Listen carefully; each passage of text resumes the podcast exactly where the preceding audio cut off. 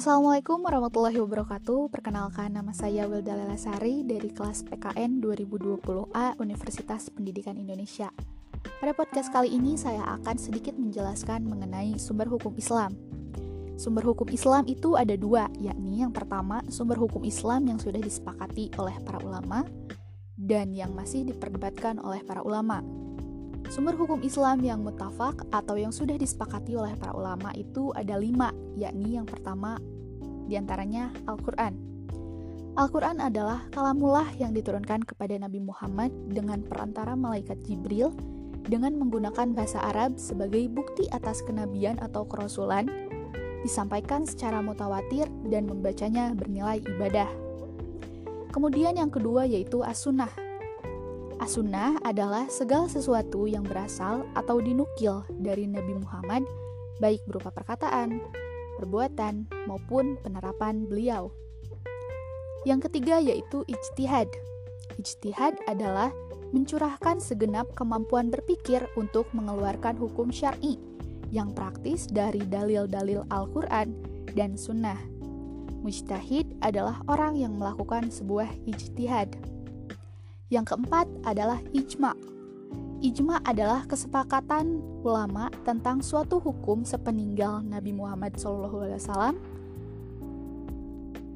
Ijma dibagi dua, yaitu ijma sari dan ijma sukuti. Ijma sari yakni jelas pendapatnya atau mempraktikannya, sedangkan ijma sukuti yakni tidak jelas pendapatnya atau diam. Kemudian yang terakhir adalah kias atau analogi. Kias adalah menyamakan hukum suatu masalah yang belum ada nasnya dengan hukum suatu masalah yang sudah ada nasnya. Karena adanya persamaan ilat.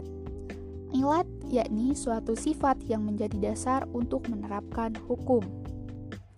Kemudian sumber hukum Islam yang kedua yakni sumber hukum Islam yang muhtalaf atau belum disepakati oleh para ulama yakni ada delapan. Yang pertama istihsan yang mempunyai arti menganggap baik.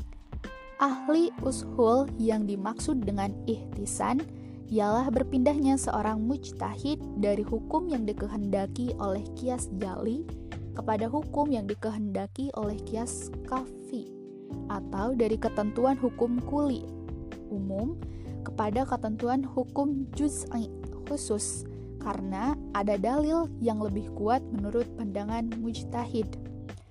Yang kedua yaitu maslahah mursalah. Maslahah mursalah adalah suatu perbuatan yang bermanfaat bagi kemaslahatan umat. Yang ketiga yakni istisham.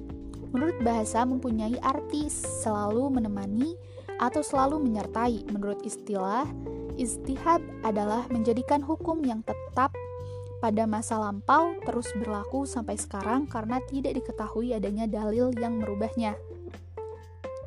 Kemudian yaitu sadzu zariyah adalah menutup jalan atau mencegah hal-hal yang bisa membawa atau menimbulkan terjadinya kerusakan. Dengan kata lain, segala sesuatu baik berupa fasilitas, sarana keadaan, dan perilaku yang mungkin membawa kepada kemudorotan hendaklah dilarang atau diubah. Yang selanjutnya adalah urf. Menurut bahasa berarti mengetahui. Urf adalah apa-apa yang saling diketahui oleh manusia dan mereka mempraktikannya baik perkataan maupun perbuatan atau meninggalkan.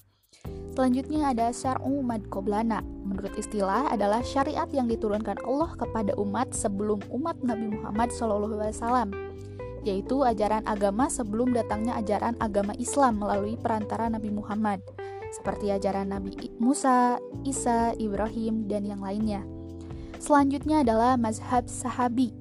Arti menurut bahasa ialah pendapat sahabat Rasulullah SAW tentang suatu kasus di mana hukumnya tidak dijelaskan secara tegas dalam Al-Quran dan As-Sunnah Rasulullah. Kemudian yang terakhir adalah iktiron, yakni dalil-dalil yang menunjukkan kesamaan hukum terhadap sesuatu yang disebutkan bersamaan dengan suatu hukum yang lain. Mungkin itu yang bisa saya sampaikan mengenai tentang sumber-sumber hukum Islam.